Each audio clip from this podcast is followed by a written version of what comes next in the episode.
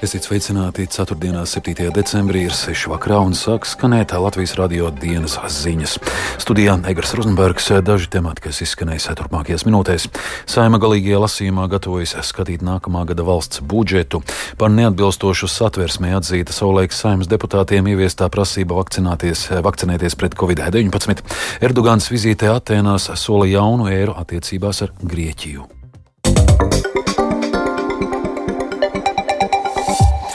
No nākamā gada martā palielināsies akcijas nodoklis alkoholam, tabakas izstrādājumiem, to aizstājēju produktiem un šķidrumiem, ko izmanto elektroniskajās smēķēšanas ierīcēs. Piemēram, cigarešu paciņa kļūs dārgāka tevi par 50 centiem, savukārt viens degviela litrs maksās gandrīz par 70 centiem vairāk. Tā lēmusi saima. Lielāku akcijas vēlējās panākt opozīcijas frakcija Nacionālā apvienība, taču koalīcija to noraidīja. Turpina Nacionālās apvienības deputāts Artūrs Butāns. Mūsu priekšlikums celt vairāk, valdība izvēlēsies spērt mazāku soli. Man aicinājums izskaidrot, kāpēc tik un ne vairāk. Kāpēc mēs speram tādu pussoli, kāpēc mēs pret alkohola industriju attiecamies kā ar baltiem cimdiem, kad tik nedod dievs pa daudz, nepaņemsim līdzekļus. Tur tas nav tādas pieejas, kad tik mēs pa maz neiedodam ģimenēm un bērnu kopšanas pabalstam māmiņa algām. Tur tāda attieksme nav. Tad jūs vienkārši demonstrējat, kas ir jūsu prioritātes, tolerants pret alkohola nozari, pārspēja jūsu rūpes par ģimenēm.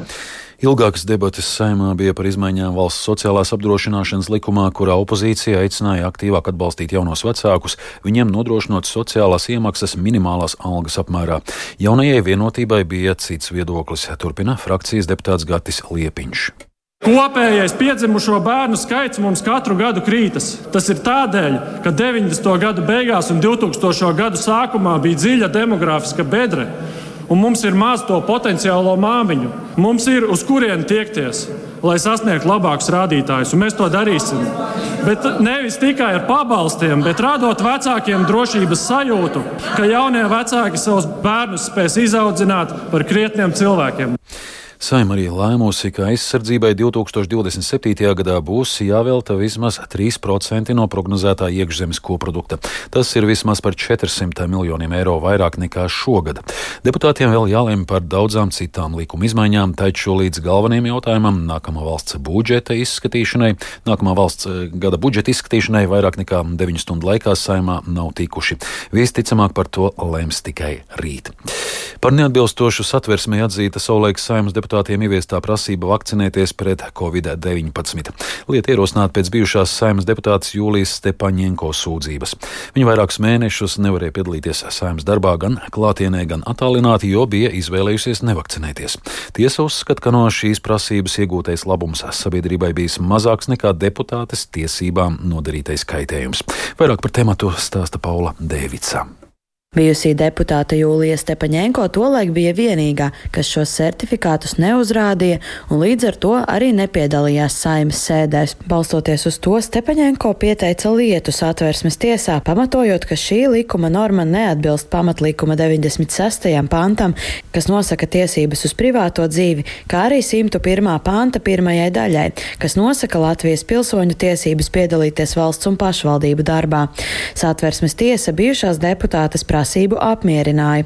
Vairāk stāsta satversmes tiesas priekšsādātājs Aldis Laviņš. Sabiedrības iegūtais labums no tā, ka tiek liekts darboties pilnvērtīgi vienam saimnes deputātam, kad lēmumus varēja pieņemt attālinātā formātā, tomēr ir mazāks nekā vienam deputātam nodarītais viņu tiesībām kaitējums. Ierobežojums bez certifikāta strādāt klātienē ir samērojums ar citu cilvēku tiesībām, šajā gadījumā neapdraudēt savu veselību.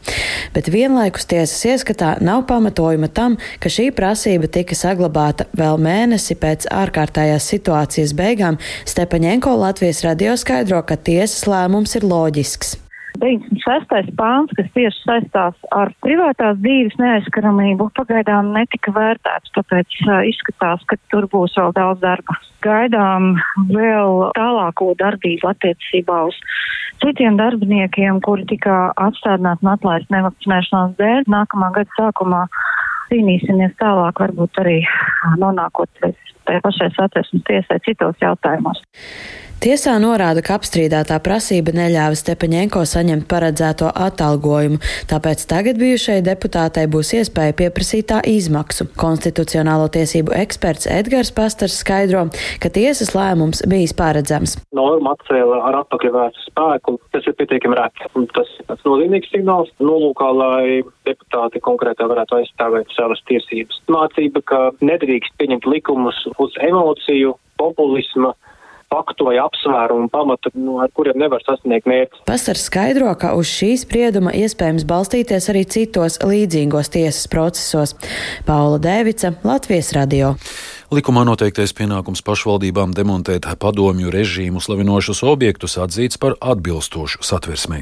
Daugopils dome apstrīdēja likuma par padomju un nacistisko režīmu slavinošu objektu eksponēšanas aizliegumu un to demontāžu Latvijas Republikas teritorijā normas, kas nosaka kārtību, kādā identificēt demontējamos objektus, uzliek pašvaldībām objektu demontāžas pienākumu un noteica, ka objektu demontāžu daļai finansē pašvaldības. Dome uzskatīja, ka ar šīm normām ir pārkāpti satversmē ietver tie pašvaldības principi. Tiesa atzina, ka likuma normas nav pārkāptas un tās atbilst satversmei. Tiesas spriedumu komentē Daugopils domas mērs Andrejs Elksniņš, ievēlēts no partijas saskaņa, bet šobrīd bezparteisks. Satversmes tiesa noraidījusi Daugopils pašvaldības prasību par neatbilstošām satversmei atzīt normas, kas uzlika par funkciju demontēt pieminekļus par pašvaldības budžeta līdzekļiem. Būdams jurists, respektēju satversmes tiesas spriedumu. Ceru, ka tas nekļūs par pamatu pašvaldībām arvien biežāk uzlikt pienākumus bez atbilstoša finansiāla seguma, kas tikai un vienīgi nostiprina pārliecību, ka Eiropas pašvaldību harta Latvijā nedarbojas. Sākusies pārakstu vākšanā referendumu ierosināšanai par partnerības institūtu ieviešanu. Tā ilgs līdz 5. janvārim. Kā liecina pētījuma centrā Norstat sadarbībā ar LSMLV veiktā iedzīvotāja aptauja, ja šāds referendums notiktu, tajā partnerības institūtu būtu gatavi atbalstīt 32%, bet pret būtu 30% respondentu. Latvijas radio interesējās, cik gatavi parakstīties par referenduma ierosināšanu būtu Rīgas ielās sastaptie iedzīvotāji. Man personīgi varbūt ne tik ļoti, bet man tas ļoti svarīgi, ka manā valstī tas ir pieņemts. Protams, mana ģimene, manas attiecības ar vīru ļoti svarīgas. Gribētos, lai arī valsts līmenī arī tas būtu aizsargātas. Nē, esmu par to nekādīgi domājis. Man tas netrauca nekādīgi. Es uzskatu, ka jābūt vīrietim un sievietei ir rīktīgi ģimene. Es neesmu priecīga par to, ka ir legalizētas vienkārši partneru attiecības. Tam jābūt kā dievs nolicis kopš pasaules gala.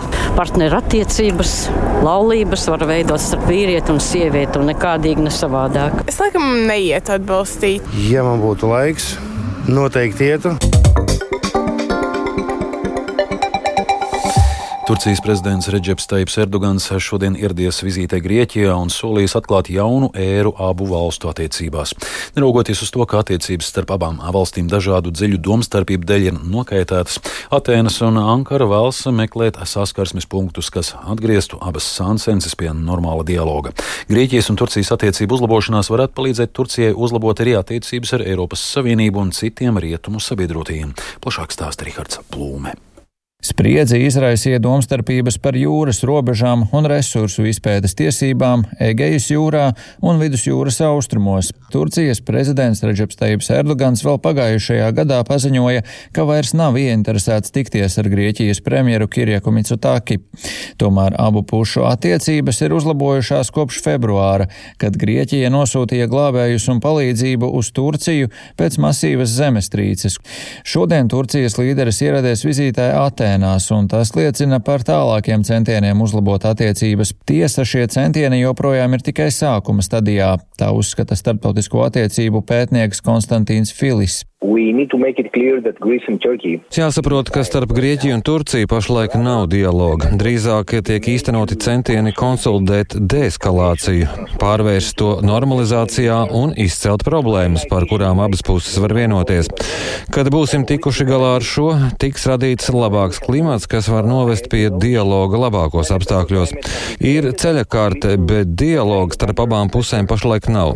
Turcijas līderi vizītē pavada arī vairāki ministri kas tiekas ar Grieķijas kolēģiem un parakstīs vairākas sadarbības vienošanās. Piemēram, viens no līgumiem attiecas uz migrāciju un paredz izveidot komunikācijas kanālus starp abu valstu krasta apsardzes dienestiem. Erdoganu pavadošā diplomātu svīta ar Grieķijas kolēģiem risina arī ilgstošo problēmu par abu pušu teritoriālajiem strīdiem Egejas jūrā. Taču kopumā nekādu lielu izrāvienu šī vizīte nesolot. Tā norāda grieķu laikraksta Katemerīnī, angļu versijas galvenais redaktors Atanasijas Elis. We'll es nedomāju, ka redzēsim kādu izrāvienu. Ir iedrošinoši signāli, ka pašlaik nav konfliktu, un no Ankaras nenāk nekādi draudi, bet izrāviena nebūs, un šī vizīte varētu būt turpinājums mierīgajam periodam attiecībās. Bet jābūt piesardzīgiem, jo būtu priekšlaicīgi svinēt saspīlējuma beigas uh. Erdogans vizītes laikā jau ticies ar Grieķijas premjerministru un arī Grieķijas prezidenti Katarīni Sakeralopulu. Amatpersonas pārunājušas tirzniecības un reģionālos jautājumus, kā arī sasāpējušo migrācijas jautājumu. Tāpat iespējams pārunāta arī situācija Izrēlā, kur abām pusēm ir atšķirīga nostāja. Pēc tikšanās ar Grieķijas prezidenti un premjeru Erdogans sacīja, ka viņa mērķis ir gandrīz dubulto divpusējās tirzniecības apjomu līdz 9,3 miljardiem eiro. Tāpat viņš pauda pārliecību, ka abu valstu pūliņi novedīs pie jauna laikmeta Turcijas un Grieķijas attiecībās, piebilstot, ka pusēm jābūt optimistiskām un nav nevienas problēmas, kuru nebūtu iespējams atrisināt. Rihards Plūme, Latvijas radio. Krievijas opozīcijas politiķis Aleksis Navaļnīs, kurš izcieš sodu Vladimiras apgabala cietumā, aicinājis savus tautiešus piedalīties nākamā gada martā gaidāmajās Krievijas prezidenta vēlēšanās, balsojot pret Vladimiru Putinu un atdodot savus balsis par jebkuru citu kandidātu. Savukārt politiķa līdzgaitnieki paziņojuši, ka sākuši pret Putinu vērstu aģitācijas kampaņu, sākot ar tīmekļa vietnes Krievija bez Putina izveidi. Turpina Rustams Škurovs. Navaļnijas savā blogā norāda, ka pat viskrāpnieciskākās vēlēšanas ir pārdomu laiks, kad cilvēki aizdomājas par to, kas atrodas pie varas un kāpēc viņš tur ir. Krievijas opozīcijas galvenais uzdevums, visu godīgo pilsoņu uzdevums, ir ar visu pārliecību rēģēt uz šīm šaubām, aģitējot un paskaidrojot, ka 71 gadu vecajam Putinam, kurš pie varas atrodas jau 24 gadus, nevajadzētu palikt pie tās vēl sešus, teikts Navaļnijā blogā. Navaļnie līdzgaitnieki tikmēr izveidojuši tīmekļa vietni Krievija bez Putina, kurā teikts, ka katram aktīvam pilsonim nākamajās simts dienās pirms prezidenta vēlēšanām jāizvirza vienkāršs mērķis - pārliecināt vismaz desmit cilvēkus nostāties pret Putinu. Reaģējot uz Latvijas radio un portāla Delfi pētījumu līdera apskāviens, Latvijas universitātes pasniedzējs Dmitrijs Bočarovs piekritis šobrīd nelasīt lekcijas studentiem, kā arī atteikties no fizikas olimpiāžu organizēšanas. Tas secināms no fakultātes mājaslapā publicētā paziņojuma. Žurnālistu pētījumā par bērnu un jauniešu nometni Kidu un prāta spēļu klubu Kas kur kad atklāts, ka tur gadiem ilgi organizatori, nobrieduši vīrieši, uzmākušies un iesaistījuši attiecībās dalībnieces pusaudzes un jaunietes. Pētījums atklāja, ka Bočarovs ir ilgstoši rakstījis seksuāla rakstura ziņas vienai no nometnes dalībniecēm, kā arī ticies ar viņu. Tuvojoties gadumijai, daudz vēlas ziedot līdz cilvēkiem dažādas labdarības, ehm, dažādās labdarības akcijās. Virkne cilvēku šī gada laikā jau ir izmantojuši iespēju ziedot ar taromātu starpniecību. Gada laikā saziedoti nepilni 330 tūkstoši eiro. Depozīta iepakojuma operātora valdes priekšstādātais Miks Stūrītis uzskata, ka ziedotā summa ir ievērojama. Par to, kam ziedojumus novirzīs, turpina Stūrītis. Pagājušā gada, kad mēs ieviesām pēc gada sistēmu, šo ziedošanas iespēju bija trīs virzieni - patvērsme dzīvniekiem, gan Ukraiņas bēgļu bērniem Latvijā, gan arī trūcīgiem senioriem. Savukārt no šodienas mēs pēc gada jau papildinām ar ceturto virzienu smagi slimiem bērniem, ja, ārstēšanas atbalstam. Savukārt Ukraiņas bēgļu bērnu šis virziens pārtop par tādu vispārēju atbalstu Ukrainai.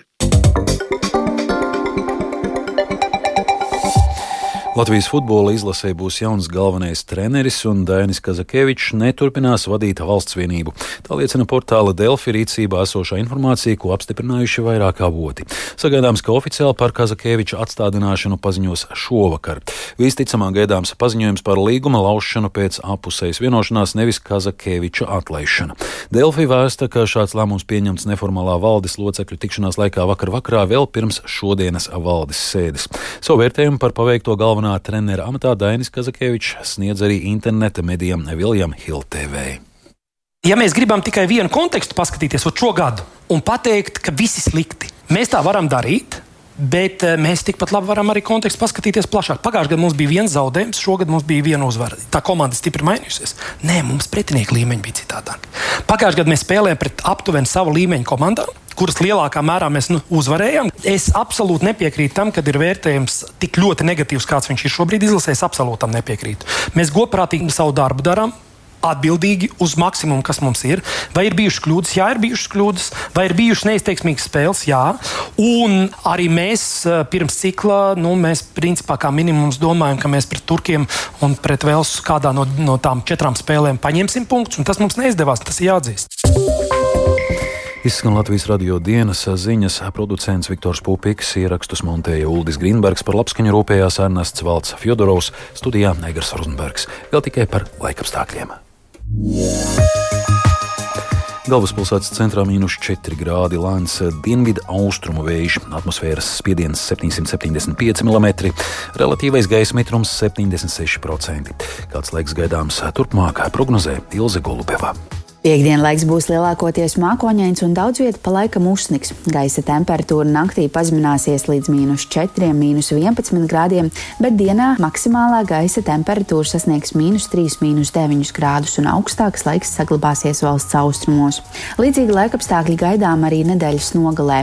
Mākoņu būs daudz un tikai brīžiem starp tiem uzspīdēs saule, tāpat arī nedaudz uzsniks. Gaisa temperatūra kā naktīs, tā arī dienās būs zem 0 grādiem.